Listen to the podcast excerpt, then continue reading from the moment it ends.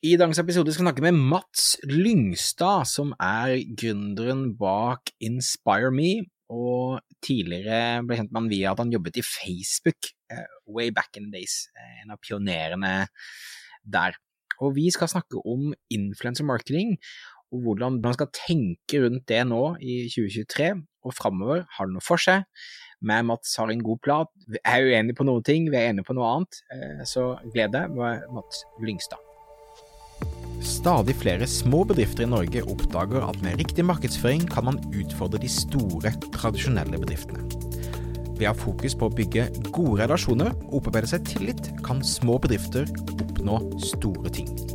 Velkommen til podkasten Suksess med annonsering. I denne podkasten kommer vi med ukentlige råd, tips og strategier som du kan implementere i din bedrift. Mitt navn er Thomas Moen fra Moen Co. Vi er et mediebyrå som hjelper små nettbutikker å vokse raskere. Om du er helt ny på annonsering, kan du komme i gang gratis ved å gå til moen.no start for vår gratis startpakke. Helt siden jeg i 2007 gjorde første kommersielle eh, samarbeidet, så har jeg vært fascinert av hva vi i dag kaller influencer marketing. Og da er det kult at du kunne tenke deg å prate litt med meg, fordi at du er mye mer inn i den verden nå enn det jeg er. Eh, og det hadde vært interessant å fått ditt perspektiv på hvor vi er nå. Ja. Og nå har jeg dratt deg ut av litt pappaperm og litt sånne ting, så liksom du må sikkert børste litt støv av, eh, på en måte. jeg må se om jeg klarer å prate. Jeg har, eh, det er fascinerende. Jeg har vært to måneder i pappaperm, og jeg merker at jeg liksom Jeg begynner å surre med ord og sier mye feil. Ikke sant? Så jeg skal prøve å skjerpe meg litt i dag Ja, så... om jeg har det, fortsatt har det. Ja, så bra. Jeg regner med at jeg vet svar på dette spørsmålet, men eh, influencer marketing i dag, er det noe små og mellomstore bedrifter bør ha i miksen sin når de jobber med markedsføring? Altså Som utgangspunkt så vil jeg, sånn, jeg vil jo naturligvis si ja, eh, men, men eh, ikke for enhver pris. Og, og som eh, så mye annet så er det viktig å fokusere. Så jeg vil jo si at ja, i utgangspunktet så, så, så er man en mellomstor bedrift, så bør man se på influencer marketing og se på hvordan det passer inn i, i marketingstrategien. Ja. Men har man ressurser, har man kapasitet, ser man at det kan funke da, med, med, med det andre man gjør. Hva slags ting skal man tenke på da i forkant for liksom, hva, er, hva er en slags avsjekksliste man bør ha før man tenker at yes, nå er det riktig timing, eller nå har jeg riktig setup, eller nå har jeg, nå, nå har jeg riktig med mennesker for å gjøre influencer marketing? Hvis man ser på digital marketing generelt, da, så starter man gjerne med en kanal hvor liksom, hvor er den lavest hengende frukten, hvor kan jeg få mest, generere mest salg, og så når ditt et nivå hvor liksom cost per acquisition blir såpass høy at du må legge på neste lag med, med en ny kanal osv., og, og til slutt så sitter du med flere kanaler. Litt avhengig av hvilket produkt du har, da, så passer jo på en måte influencer marketing et eller annet sted inn der at kanskje er det den viktigste kanalen du kan ha. Kanskje ligger det bak Meta, bak Snap, bak Google, men det ligger et eller annet sted i den stacken. Ja. Så sånn avskikksmessig så er det litt sånn, ok, har man et produkt som som visuelt sett kan funke med influensere, en tjeneste som, som man liksom kan få forklart med, med influensere. Har man et produkt som man tror influensere kan være interessert i å jobbe med? Har man liksom klart å funne Eller ser man for seg at man kan klare å gjenbruke innholdet eh, i egne kanaler? For å maksimere verdien av det man gjør med influensere? Det er noen punkter da som jeg ville, Ja. ville sett på. Det høres ut som det er flere Altså det at det er sikkert noen type produkter og tjenester som er da lettere og er mer no-brainer å bruke på influencer marketing og andre. Hva er sånn typisk kategorier eller typer produkter og tjenester du ser at får god effekt ut av eh, sånn type samarbeid? Først liksom begrense ned til B2 Altså, man kan gjøre B2B influencer marketing, men, men den, det vi gjør i InspireMe, og, og der jeg tror det er lettest å komme i gang, er liksom sånn har et B2C-produkt. Ja. Alltid fint med et visuelt produkt som, gjør, som liksom, det er tydelig hva det er, hvis man har nå eh, brand assets som gjør at liksom det blir tydelig Det er lettere hvis man er en merkevare som selger egne produkter, kanskje, enn eh, noen ganger det kan være for en nettbutikk som selger andre merkevarer sine produkter. Ja. For da fronter man andre sine merkevarer sine produkter. Det er en generell utfordring man driver digital marketing Ja. også, men eh, egne merkevarer er, kan være lettere. Men det kan også være sånn at influencer marketing kan fungere veldig godt med produkter og tjenester som kan være vanskelig å forklare og få en forbruker til å forstå hva er produktet, hva er tjenesten, hvorfor skal jeg bruke det? Fordi ikke sant, man har veldig kort eh, Attention span. attention span eh, på, på annonser, Mm. eh, og man, man har mer attention på, på influensere. Ja. En influenser på en, en TikTok eller en YouTube-video eller en, en story eller reel har liksom tid til å fortelle et budskap og, og liksom forklare noe som kanskje kan være komplekst, da. Så det kan fungere veldig godt for å forklare liksom, kompleksitet eller få frem USP-er i et produkt, da. Du begynner med å tenke at det har et, ideelt sett et B2C-del, eget brand, og er dette noe som visuelt vil kunne formidles på en god måte av en type influenser? Ja. Eh, um, la oss si eh, selger eh, mine egendesigna sko da, i en nettbutikk. I, I gamle dager så var det jo, var det jo bloggere bare, ikke sant, Mm. som på en måte var Du kunne nesten bare gå på topplista på blogg.no, og så kunne du begynne å liksom ta kontakt og, og plukke ut, og så videre. Nå er det jo Instagram, det er YouTube, det er TikToks, det er masse andre typer influensere. Hvor, hvordan begynner man å navigere i, eh, i, i denne Mm. litt sånn uoversiktlige skogen av, eh, av influensere? Nei, jeg, jeg ville kanskje dratt litt tilbake til det jeg sa i stad, med at start Altså hvis du er Hvis Instagram da er ditt eneste fokus satt på spissen fra et eh, annonseringsperspektiv og sted, hvor, er, hvor du har en tilstedeværelse, Mhm. så er det kanskje lite vits å begynne på YouTube og TikTok. Da begynner du på Instagram, Ja. og vice versa. Og så er det igjen litt sånn tilbake til type produkt. Er det noe som skal tre, virkelig trenge å forklares? Kanskje er YouTube et godt format, fordi du, liksom, du kan faktisk bruke fem minutter på å forklare produktet hvis, det, hvis, hvis du jobber med riktig YouTuber. Egent. Start liksom Har den kanalen du du allerede kanalen er veldig aktiv i. mening for Ja, deg, du, har, du er komfortabel med du, du Der du allerede er god. Ja. Altså er du god på Instagram, så jobb med, med influensere eller profiler på Instagram. Ja. Er du god på TikTok, eller har lyst til å komme i gang på TikTok, f.eks., Ja. jobb med TikTok-profiler. Så, så enkelt som det. i hvert fall i det jeg da nå gamle, gamle dager, når jeg jobbet med influencer Mm. så begynte vi med at dette hadde en direkte effekt i forhold til liksom å flytte varer, eh, salg, målbart salg. Mm. Og så etter hvert som man holdt på, så merket man at i hvert fall visse typer profiler eh, konverterte dårligere, og da gikk man over til å snakke om merkevarebyggene og, og liksom top of mind og top of funnel og alle disse typer begrepene, som handler mer om at du kan få oppmerksomhet som du kan kanskje på sikt høste inn til å bli et salg seinere, Mm. posisjonere det. Hvor er eh, influencer marketing eh, i dag på det? Er det liksom og Nå regner jeg med at det er liksom ut ifra hvilke profiler du velger osv., men sånn generelt vil du si at influencer marketing bidrar til å eh, få salg i kassa direkte, eller er det, brukes det oftere til andre ting? Vi ser at influencer marketing kan påvirke hele markedstrakta fra liksom altså bygge kjennskap til preferanser til faktisk kjøp, Mhm. men du jobber med influensere på veldig forskjellige måter, kanskje ut ifra hvor i trakta du, du er, da, eller hvor i trakta du ønsker å påvirke Ja. eh, målgruppa di. Så hvis man ser på samarbeidsformer, da, Ja. så kan man ta liksom lav touch til veldig high touch samarbeid. Da har du eh, den laveste liksom, touch-formen for samarbeid med influensere er jo affiliate-markedsføring. Ja. Influensere på samme måte som hvis du har, eh, jobber med affiliate-markedsføring i dag, at de får en prosent eller en fast sum for de produktene de klarer å selge for deg. Mhm.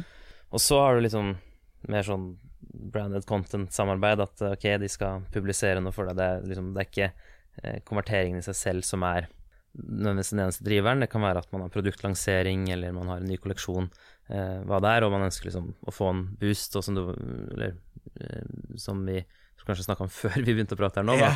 Det kan være Du ønsker distribusjon. Du ønsker å nå ut til en spesifikk målgruppe, og, og se på influensere som en distribusjonskanal sånn. Ja.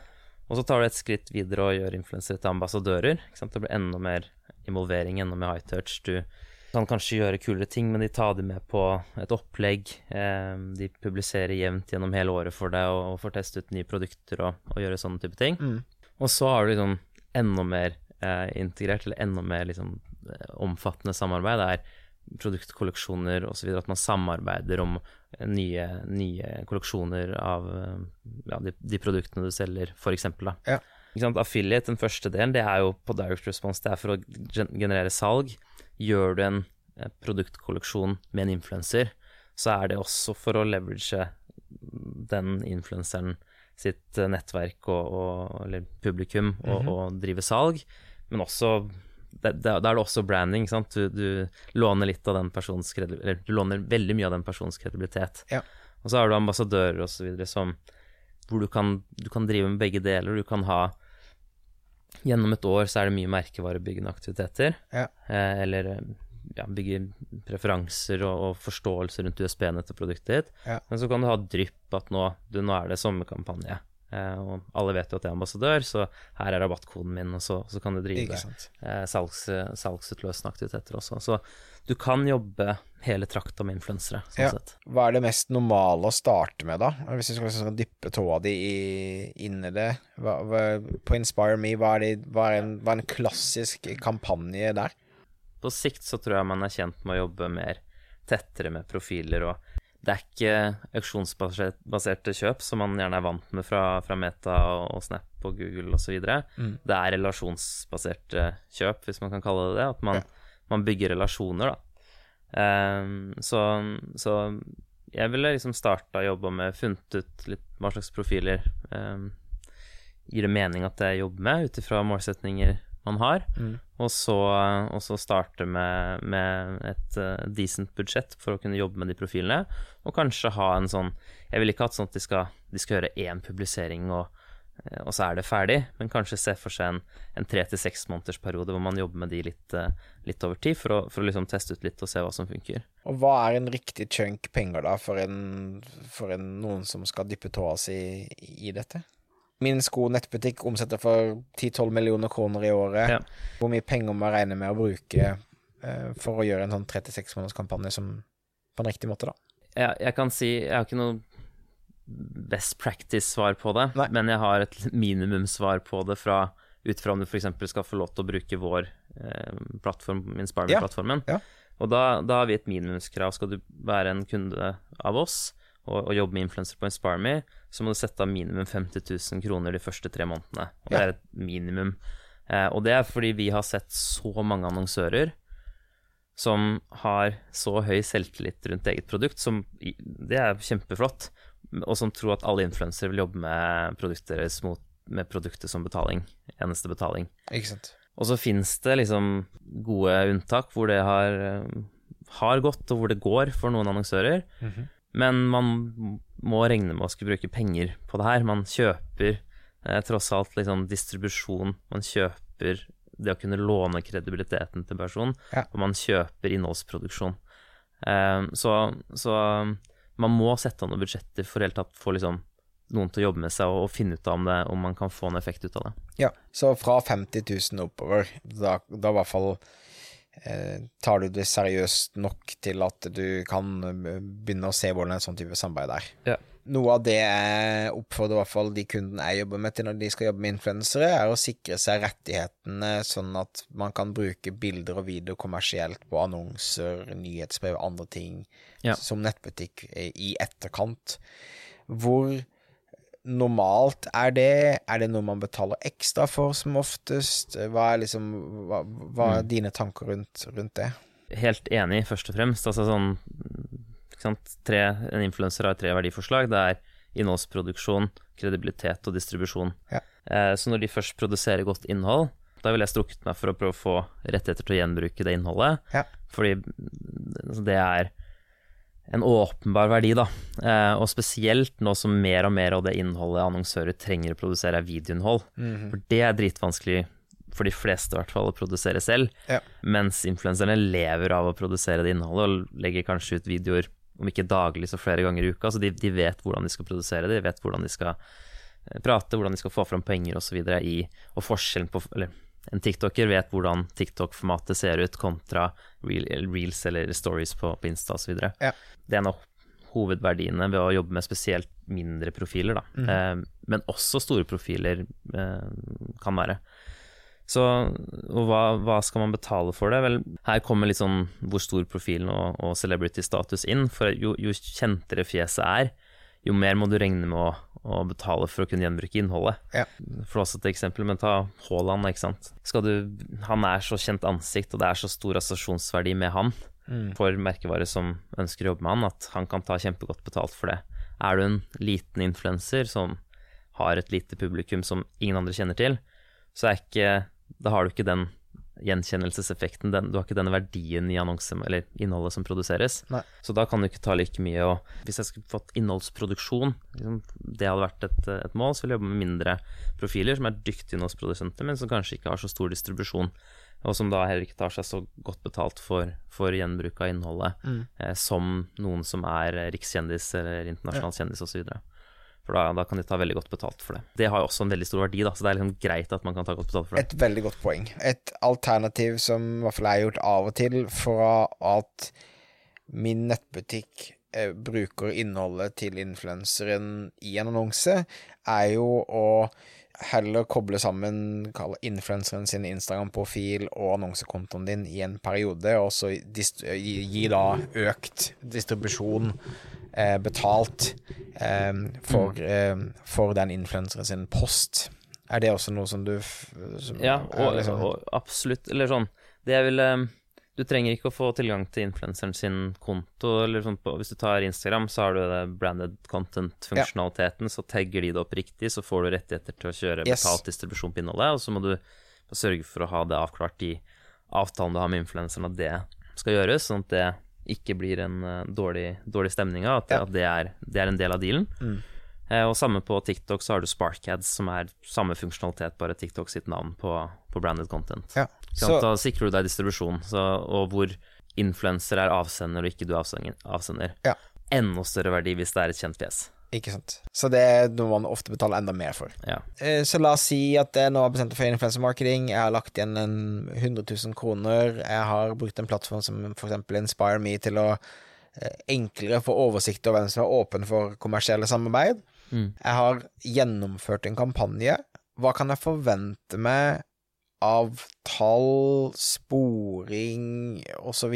fra influenseren eller plattformen sin side? Hva er, liksom, hva er det viktig å tenke på der? Det du kan forvente deg, avhenger av ja, hva, hva slags tjeneste du bruker for å jobbe med influensere, eller om du ikke bruker en tjeneste i det hele tatt. Ja. Hvis du jobber med influensere via direktemeldinger og e-post, eh, og så har du jobbet med 30 profiler som har publisert i en eh, seksmånedersperiode seks innlegg hver, så begynner det å bli mye, mye poster med mye tall som skal aggregeres for å kunne rapportere på, på noe. Yep. Og bruker du ikke en plattformløsning som oss, så, så er det jo å få skjermbilder og så sitte og plotte inn Excel osv.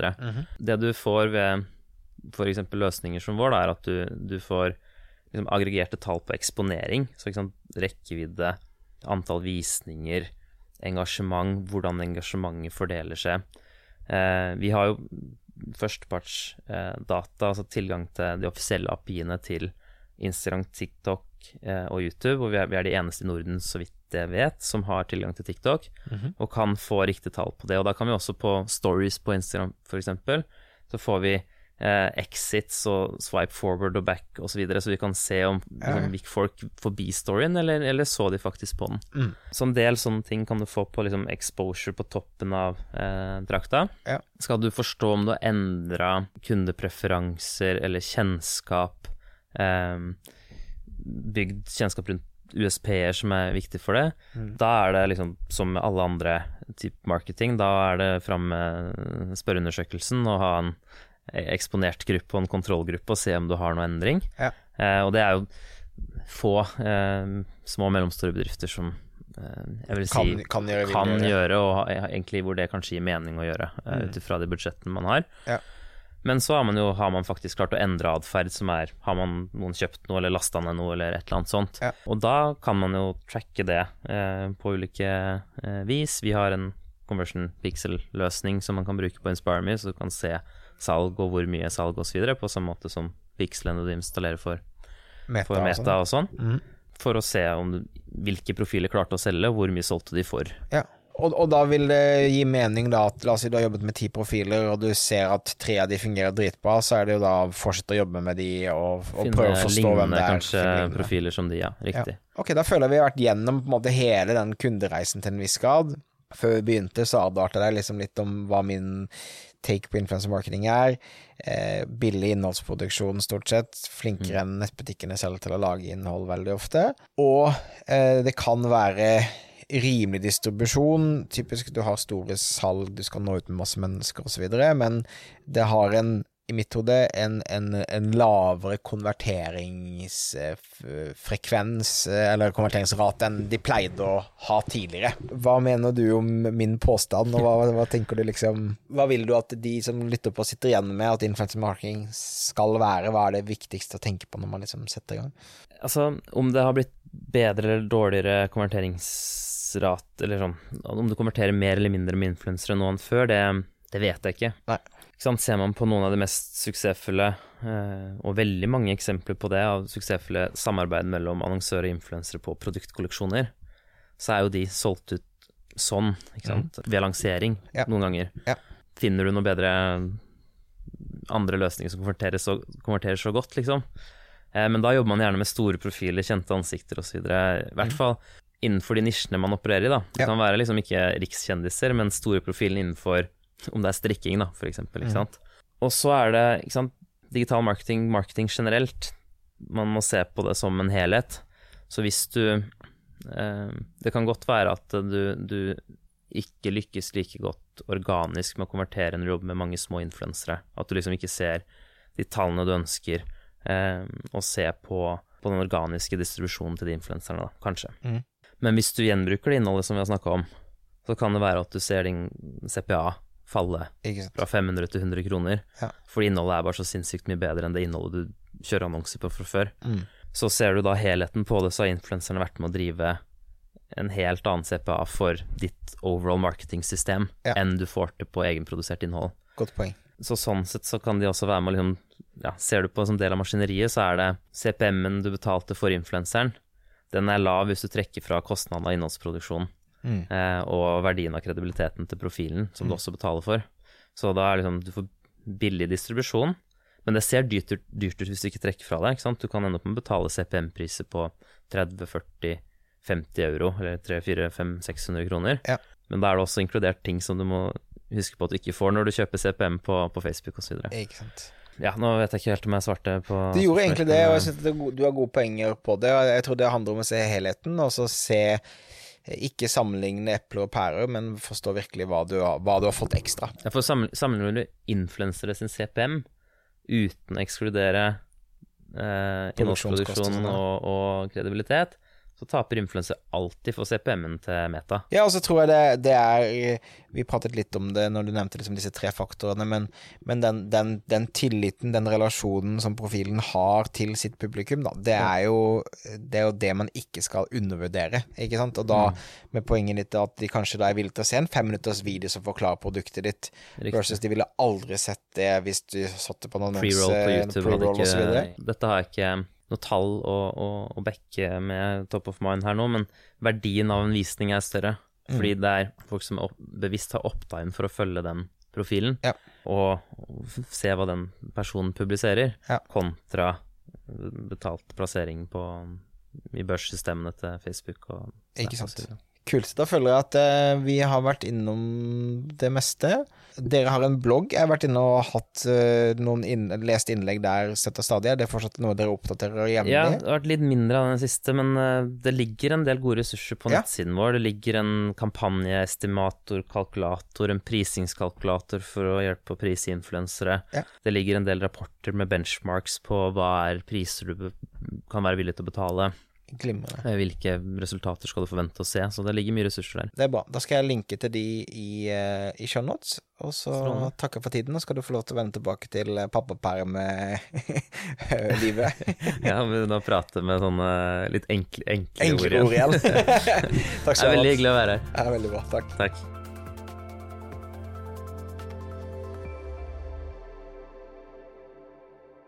En siste ting før du går. Jeg vil gjerne invitere deg til netthandelskonferansen.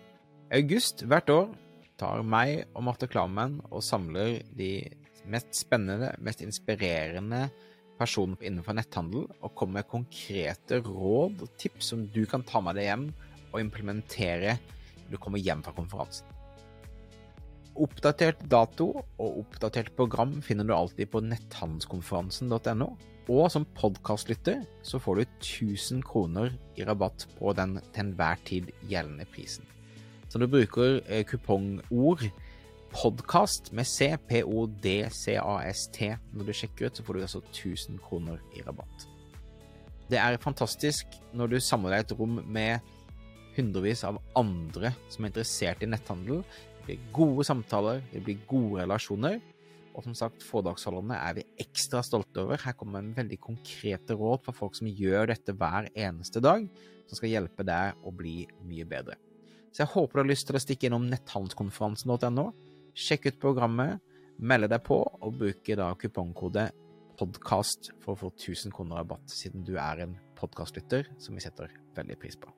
Vi ses.